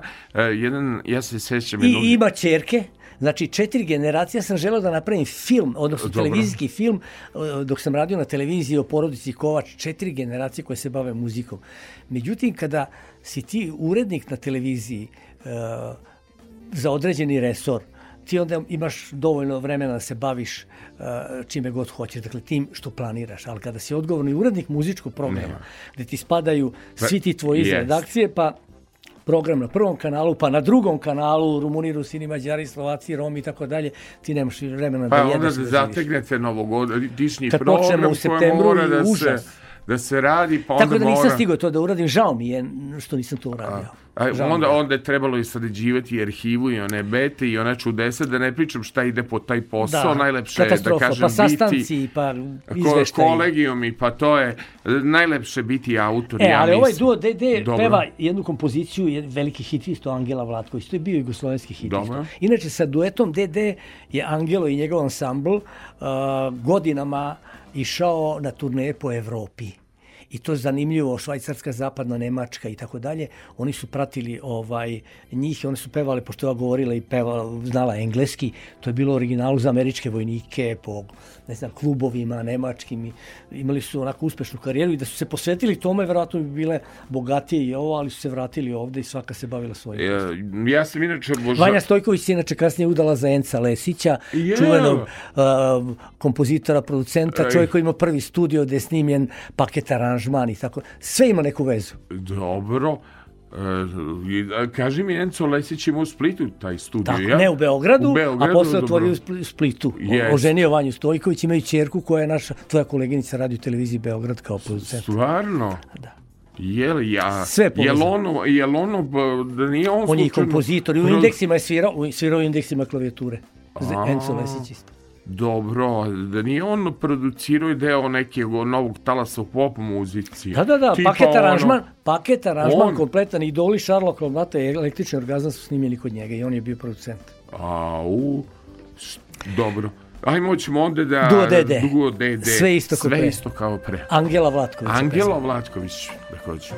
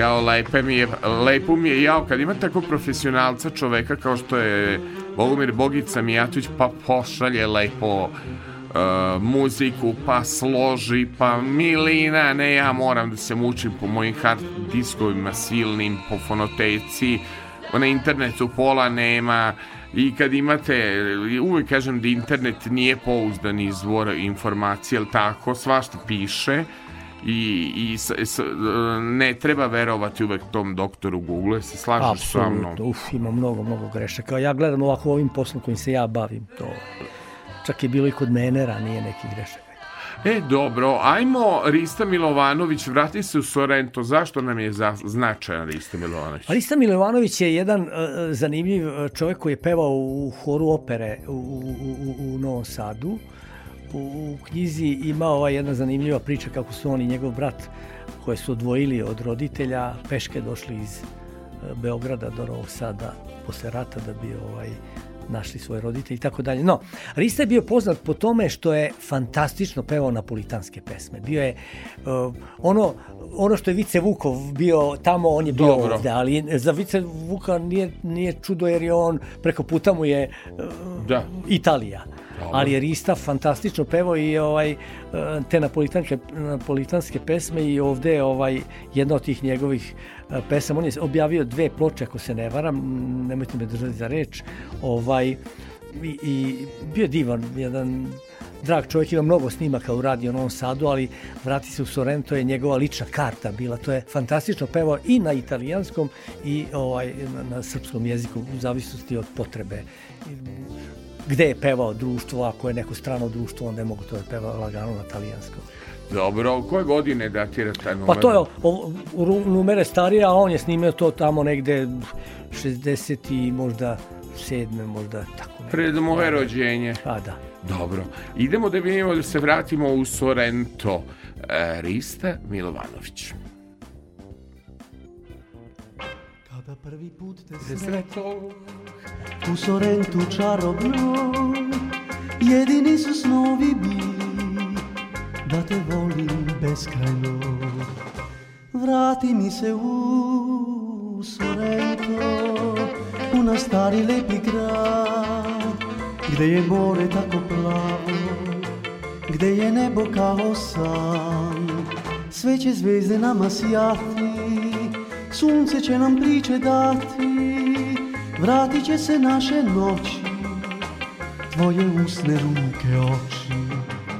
U Sorrentu čekam te ja u gradu naših snova. Ljubav će biti tu uvek uz nas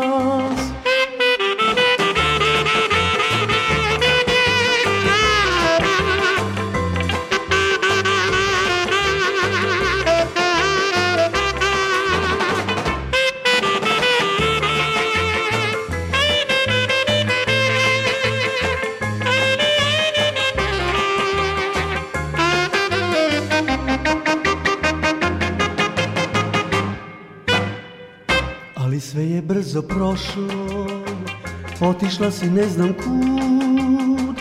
Ostala je ljubav samo Osmeh tvoj i uzdah moj. Vrati mi se u Sorrento U naš stari lepi grad Gde je more tako plavo Nema naš Zoltan Feher majstorski ovaj e, prati playlistu iako nisam numerologiju ovaj napravio, hteo sam da se vidi malo s Bogicom ovaj, u, u multimedijalnom restoranu i hteo sam da pro, prođemo mi redosled, jer je Bogica htela eto, da idemo nekako logično, da bi mogli da ispričamo sve te neke lepe priče.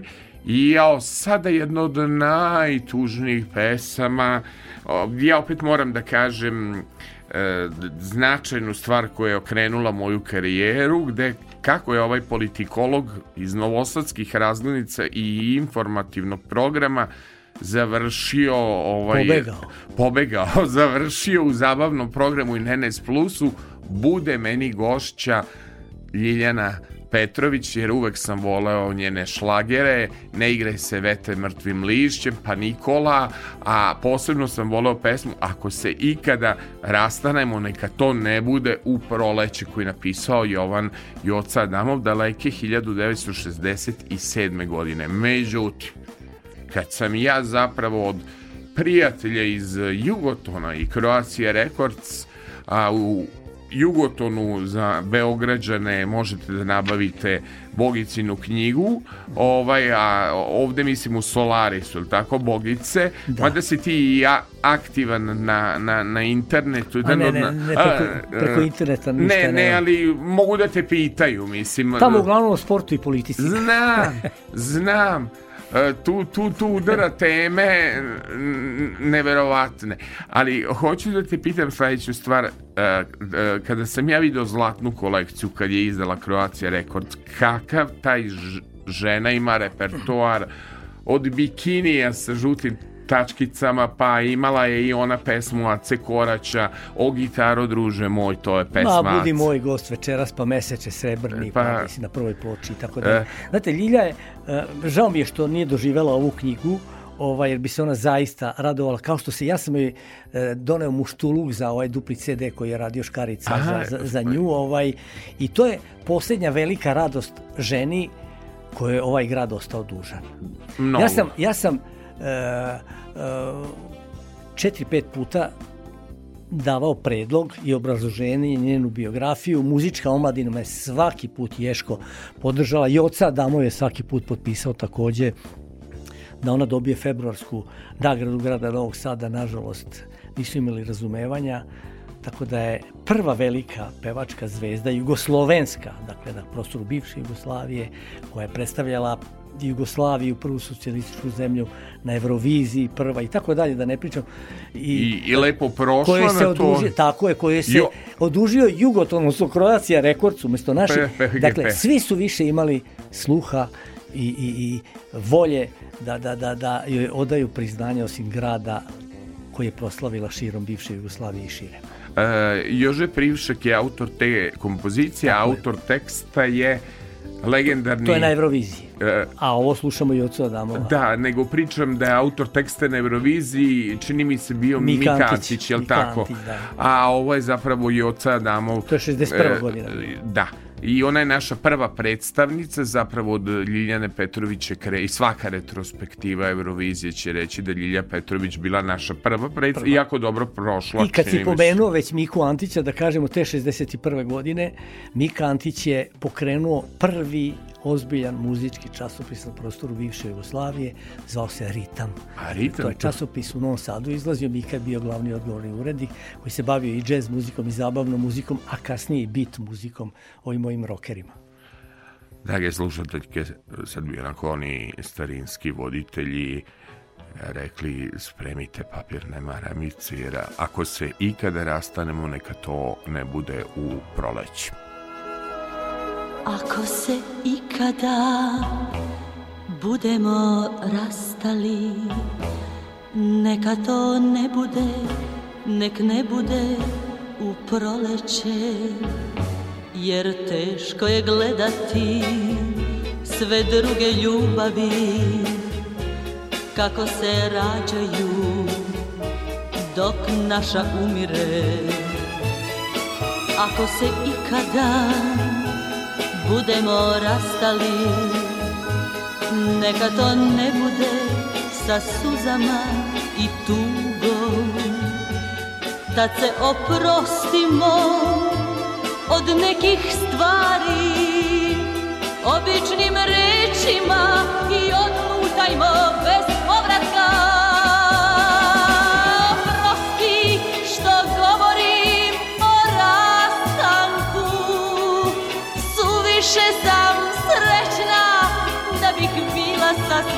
bezbrižna.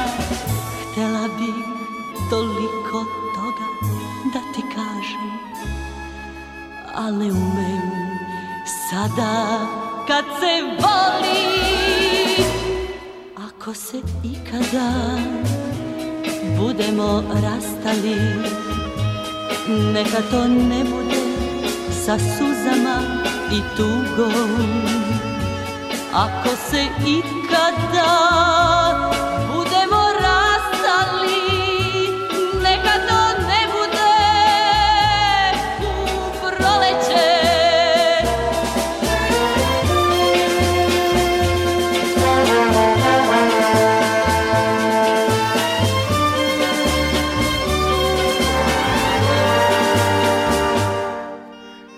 Jao, je to ara, aranžira i upakuje od sada, on mora da tako zvuči jako, le, le- lepi su ti festivalski aranžmani, jel tako?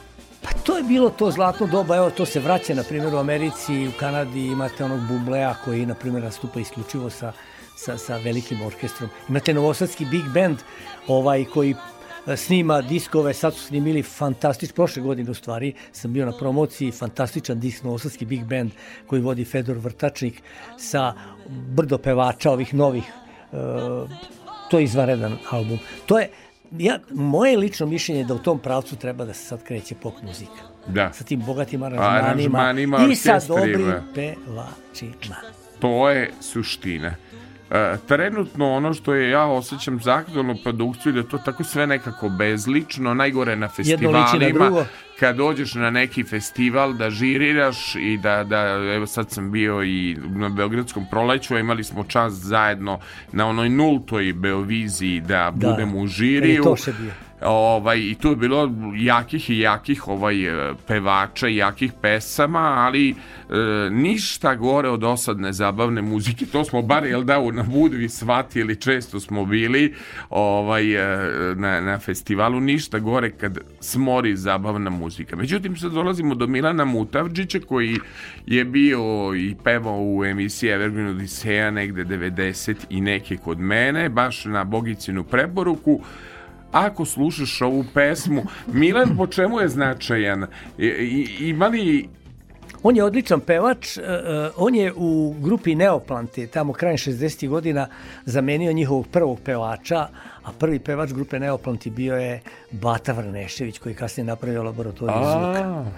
E, i ovaj, e, Mutke bio odličan bubnjar i kasnije se proslavio kao bubnjar najboljeg, ajmo da kažemo kako smo mi to zvali, Hotel Wave sastava u bivšoj Jugoslaviji Neoplanti. a, da, kaži mi, molim te, ova pesma Hej, koji si znak, bi kovani rak, to je pisao tekst Đorđe Balašević, jel tako? Da. Ja sam proveravao. Jeste, to, to, to može... to, to, to, je, to je Đole, njima se odužio, ovaj, e, kada je Đole trebao da ide na opatiju 78. godine, o, već je bio napustio žetvu i onda sam ja Angelu predložio, Angelo je te godine bio umetnički direktor Opatijskog festivala po ključu, predložio da malo promenimo, promešamo karte i da ne idu stalno isti ovi pevači Dobro. e, koji su dotad išli i bili kvorum samo na festivalima. Rekao, rekao sam prvi put nek se obrukamo, drugi put nek se ne obrukamo, treći put nek budemo četvrti od ozda, ali nemoj stalno da budemo nešto na repu. Ja mu predložio Đoleta, kaže, ko je taj? Ja mu kažem, pa ovaj što peva razdeljak, ovaj u razdeljak, kaže, daj, nemoj zezati, kaže, drugi je izraz upotrebio, kaže, ovaj, taj ne ume da peva, kaže, i kakva je to pesma, kaže, tango. Rekao, gazda, gazda ima on, rekao, mnogo dobrih pesama ovaj, na lageru, Pa kaže, ajde, pošto je frka, ajde dovedi ga. Kaže, kad? Pa kaže, sutra. I ja okrenem telefon i zovnem i onda smo došli i onda trebalo je to snimiti, pošto nije imao sastav. Ja kažem, Angelo, ajte vi vidite sa neoplantima da mu oni snime, pošto je Angelo neoplante vodio u Rusiju pod imenom ABC. Da. I taj ja sastav snimio dva, tri albuma u Rusiji i bio jako popularan, pratili svoje poznate pevače i velike zvezde su bili tamo i onda ovaj, Angelo kaže, nemoj bolje ti, kaže, nemoj da ja ti si bolji. I onda ja nazovem Ciska i objasnim o čemu se radi i odmah rekao, ne, da snimite matice za dve pesme, za singl jedan, nema love, ali ćete dobiti dobru pesmu, jednu, ovaj, rekao, to će ovaj moj drugar koji je razdeljak napisao da vam napiše i oni se svi složili. I tako je on njima napisao horoskop Hej koji si znak i Bik, to je bio, ovan ja im sredio da izađe ploča za PGP i to je bio veliki hit tog leta, ogroman hit. E, Znam, znam. Bez obzira što oni imali pre toga dve ploče.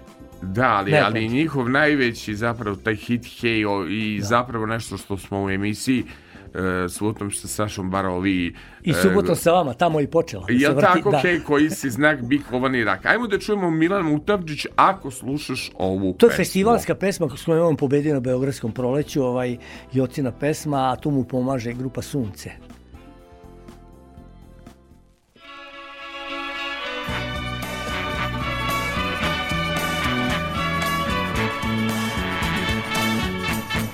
Nema te danima, bar na trenutak, samo da mi svratiš.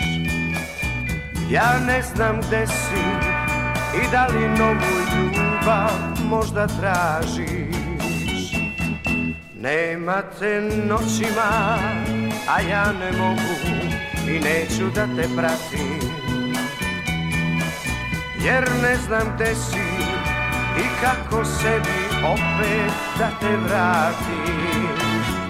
Ako slušaš ovu pesmu, ako si tužna i možda sama Nek ti zvuci njeni kažu da sam još tvoj kod tih prošlih dana. Ako slušaš ovu pesmu, u moje ruke neka te vrati jer od svih ću više draga za tvoju ljubav, ljubavi dati. Nema te danima, a ja ne mogu i neću da te pratim. Jer ne znam gde si i kako sebi opet da te vratim. Ako slušaš ovu pesmu, ako si tužna i evo, Ala Milan peva, pa on je mogao da bude vojvođanski Mišo Kovač. Apsolutno. Ne porodim, nego mislim ima taj jedan stila uh, interpretacije Tom Jonesa. Humperdinka, to mu je bio omiljeni repertoar. Uh, uh, vidi, osjeća se, To osjeća se taj stil jedne ja bih rekao mačo interpretacije. Ono što sada slušamo je grupa Sunce. Poslednje što bih pomislio, međutim, koliko se ja sećam grupe Sunce i gostovanja Vesne Čipčić kod mene, Vesna Čipčić je bila i pevačica, naša divna, harizmatična glumica, jao bože, kad je se setim. Moja banaćanka iz Kikinde. E, Jeste, kaže ona, nema ništa lepše u životu kad e, bude domaća supa s knedlama, a mir u kekendi i čuješ samo najlonske kese kako košava nosi. Ovaj, Vesna Čipčić pevala u grupi Sunce, jel tako? Jeste, pevala u grupi E, Sunce, jedna od pevačica grupe e, Sunce. Jel, e, Posle otišao u Beograd i... kakva je to grupa bila? Kog žanra orijentacije? Grupa Sunce su akustičari, oni su u tom naletu bili i ja tvrdim da su bili ovaj na nivou najboljih akustičara, na primjer Lutajućih srca i svih osi. Oni su bili autori pre svega svojih pesama. Ovu koju ćemo čuti nisu jer je malo brža da bi malo, Malo imali tempo u ritma, emisiji. da. Jer ovo je obrada jedne pesme Toma Paxtona. Oni su i zanimljiv podatak u vezi sa ovom pesmom, oni su nju snimili u Beogradu u jednom terminu ostalo je, baš kad su mutke ta valjda radi, ostalo je vremena i kaže ovaj snimateljima ajde nešto vaše i on- onda oni uzeli snimili ovu akustičnu varijantu. Međutim, kasnije kad su otišli i na radiju čuli tu pesmu, oni se šokirali jer su onda Furda i ne znam, Bojan Hreljac nasnimili bas i bubnjeve i sad smo dobili ovu verziju poznatog hita u izvođenju grupe Sunce, ali je to izvanredan I, akustičarski i delo. ima i pesma Kišni cvet e, za koje... Od- fantastična. Mislim, Marko Delibašić je uglavnom bio tu autor i Zoc. Jedna izvanredna ekipa, šteta što se nisu posvetili muzici, ali svi su završili neke fakultete, nešto radili, tako da su se posvetili ozbiljni. Nenad Delibašić je čuveni neuro hirurg ovde u pokrajinskoj bolnici bio otišao sad u penziju. Dobro, jel sad doćeš da čujemo Kišni cvet ili poslednje što bih pomislio, ja sam za bržu ovu. Bržu, bržu, poslednje što bih pomislio. Ajmo da čujemo ovo sunce i poslednje što bih pomislio.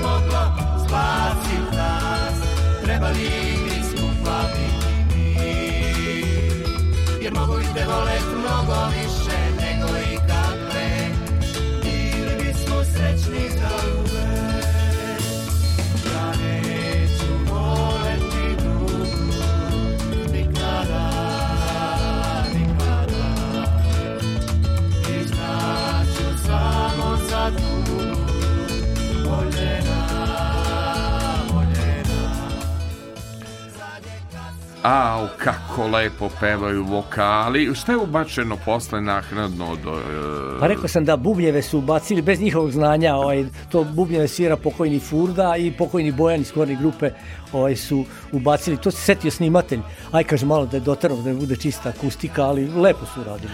Kad mi je bio ovde e, u gostima Aleksandar Mladenović, DJ Sale, onda smo mi Veru Kapetanović slušali pesmu Hej što nisam, pošto je neki disko koji on voli, jel, kao DJ. Pa to je bilo to vreme. a, ovaj e, i opatijski festival, međutim i on i ja smo imali problem da saznamo šta je sa Verom Kapetanović. Sve do trenutka kad se ti nisi na Facebooku oglasio Da i saopštio da si e, sreo, saznao gde je Verica Kapetanović, jel tako, gde je Verica? Pa posle 40, možda i nešto godina kako se nismo videli i bili smo srećni oboje što smo se Vera. videli. Da, Verica se ona zove inače. Dobro, dobro E, sam rekao. Što smo, što smo se videli i što smo se prepoznali u ovim godinama. Znate, to su ipak neke velike godine.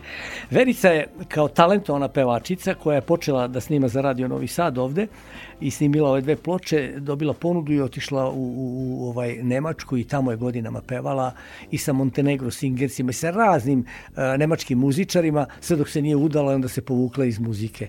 I ovaj, jako mi je drago da sam je sreo, a njoj posebno drago što postoji ova knjiga, odnosno tad nije postojala i što će se eto ovaj, sačuvati neka uspomena i na te pevače koji su imali dva, tri singla ili a, snimke neke za Radio Novi Sad. To je bilo za Radio Novi Sad, izdanje je bio Jugoton i Jugoton je to, odnosno Croatia Records objavila sada digitalno na svojim platformama, jer ja u poslednje vreme se navikavam i na Tidal i na Deezer i na sve ovo što je novo da bih bio e, da bih naučio a dakle sad da slušamo plavu grešku i konačno smo saznali gde je Vera Kapetanović. To je jedan po meni dobar, dobar pop disko skra, uf, uf, uf, uf, uf, s kraja 70. godina plava greška.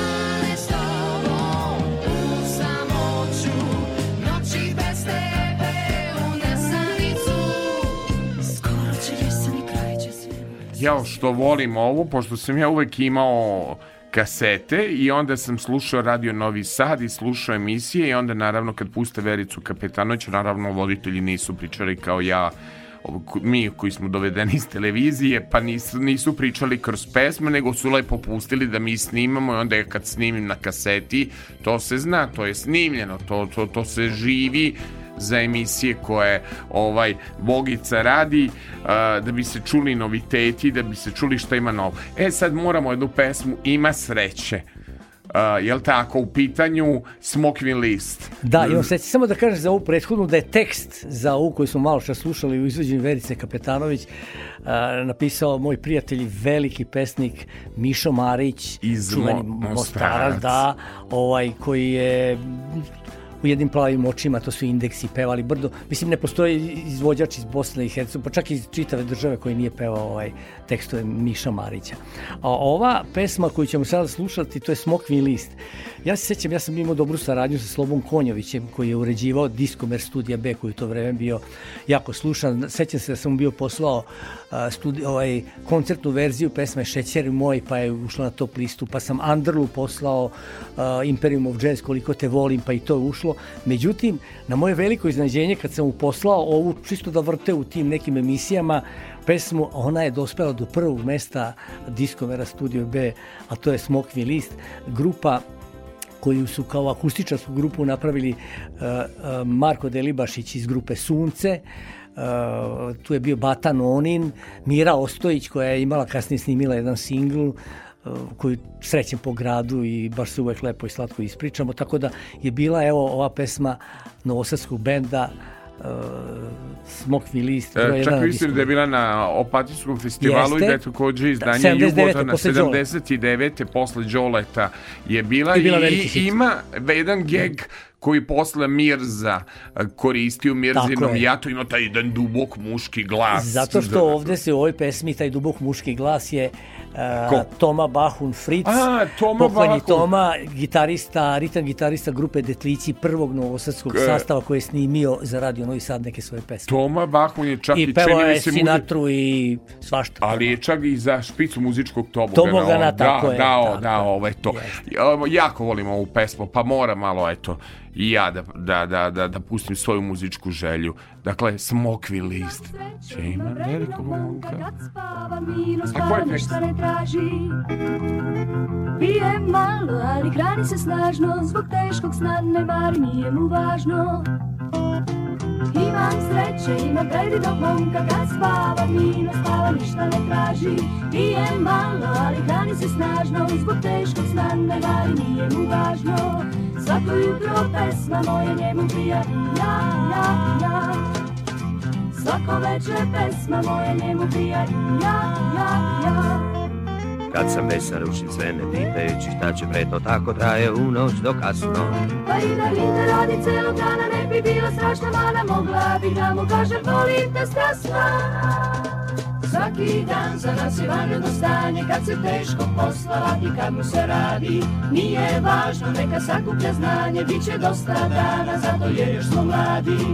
Svako jutro pesma moja njemu prija. ja, ja, ja. Svako večer pesma moja njemu prija ja, ja, ja. Imaš sreće, imaš predivnog momka. Kad spava, mirno spava, ništa ne traži. Pije malo, ali hrani se snažno. Zbog teškog sna ne vari, nije važno. Imam sreće, imam predivnog momka. Kad spava, mirno spava, ništa ne traži. Pije malo, ali hrani se snažno. Zbog teškog sna ne vari, nije mu važno. Imam sreće, imam predivnog momka. Kad spava, mirno spava, ništa ne traži. Pije malo, ali hrani se snažno. Zbog teškog sna ne vari, nije mu važno. Kad sam besan rušim sve ne pitajući šta će pre to tako traje u noć do kasno? Pa i da Rinka radi celog dana ne bi bila strašna Mada mogla bi da mu kažem volim te strasna Svaki dan za nas je vanredno stanje Kad se teško kad mu se Jao, Bogice, ne znam kako ti se zahvalim e, što, što si mi dozvolio da čujemo ovu pesmu. Pa, oduševljen sam, znači... Pa bila je u š- na širem spisku. E, bi, bilo je mnogo toga, ne, i Ranko Sljepčević i Goran Janča. Janča i nismo stigli čak ni Senku Ružica Čavić. Ružića Čavić ovo je moja Senka. noć Senka Veletalić priznao si jednom na društvenoj mreži kad ne pričaš o futbalu i o politici priznao si da je tvoja to omiljena pevačica Gabi šlagerske Novak, muzike da. Jel tako? Mislim da smo sve pomenuli, e da, zašto nismo birali Žoleta Balašića kojeg stalno tražite? Zašto Gara nismo Visokak. Gara Visokak birali? Frajle. Frajle, apsolutno romantično. Natašu. Zašto nis, nismo birali ove novo, Gara Visokak? Da. Zašto nismo birali? Zato što ima često na radio Oni su stanicama. često, da ovdje sam htio da skrenem pažnju samo eto na neke koji se nalaze u knjizi, koji su zaslužili svoje mesto i ovaj bez kojih ova knjiga ne bi ni postojala praktično jer sve ovo što se desilo u posljednjih 10-20 godina je zapravo nadogradnja onoga što je počelo tamo 50-ih. Ja zaista ovakvog gosta nisam imao. E, Bogomir Mijatović, dakle, predstavili smo njegovu knjigu Enciklopedija vojvođanske zabavne i pop muzike, ilustrovani detaljni vodič kroz istoriju zabavne pop i rock muzike u Vojvodini, pred, predivne korice, predivne ilustracije, naravno Bogica je uvek samo kritičan, on bi tu ovaj, e, uvek nešto dodao, uvek e, voli da ide do savršenstva, mada mislim ovo, Moram samo da dodam ovo, zaboravio sam, a to je, ove knjige ne bi bilo da je nisu finansirali pokrajinsko i republičko ministarstvo kulture. E, to je jako lepo. E, to, Hvala. to je jako lepo. Ja e, primećujem podaziv u mlađe publike kod mene da ljudi su jednostavno željni e, dobrih pesama, jednostavno žele da saznaju i ne žele da budu taoci kompjutera koji biraju muziku. Muziku mora da bira živ čovek s emocijom, s dušom, s intelektom. Za kraj, Kseniju Mijatović, da li je to pošto smo toliko Mijatoviće pominjali uh, danas, da li je to neka rođačka linija? Žao mi je što nije. Dobro. Znaš zbog čega? Zbog toga što mislim, moje skromno mišljenje, da je ona ubedljivo najbolja vojvođanska pesma uz svo poštovanje svih osta, pevačica, pardon. Pevačica. E, uz po- poštovanje čak i najveće Ljiljane Petrović i najpoznatije, najpopularnije. Šteta što je Ksenija odustala od muzike, šteta što nije neko bolje vreme, ali možda i pametno uradila. Međutim, eto, ostaće ti neki njeni albumi i neke pesme da žive večno i da kažem da je autor ove pesme koje ona peva, čovjek koji je njoj pomogao da iskoči, da napravi iskorak, naš dragi prijatelj novosađanin Doške. Bogice, hvala ti, zaista bila prekratka emisija. Zoltan e, Feher za mix pultom, Milan Marković, nemi pesnik, tehnički producent i moj supervizor i naravno organizator, telohranitelj, budući statista u jednom spotu, Kristijan Lotrean za prijatelja zvani Kris i naravno harizmatični Bogica, Bogomir Bogica Mijatović koji je napravio subotu sa Sašom ko će se pamtiti. Nažalost, uvek kažem Bogice, mnogo ti zavidim na vremenima na kojim si rođen, jer ovo o čemu si pisao, nažalost, više nikada. Jer se slažeš sa mnom, više Nažalost, nikada. Više neće biti, da. Svet ide u nekom pravcu i muzika i sve koji nije dobar, ali uspomene nas mogu učiniti mentalno zdravim, emotivno pozitivnim i to je osnovna stvar muzika. Mnogo gostiju mi je reklo muzika je smisao mog života i nešto što uvek ulepšava moj život. Više nikada. Hvala Bogice. Hvala tebi.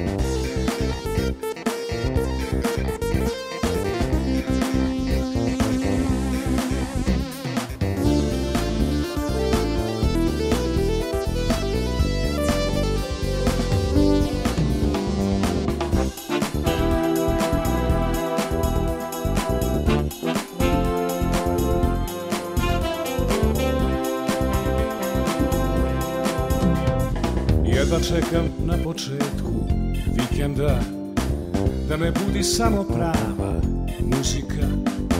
Bez stresa skandala Samo dobra šala subotom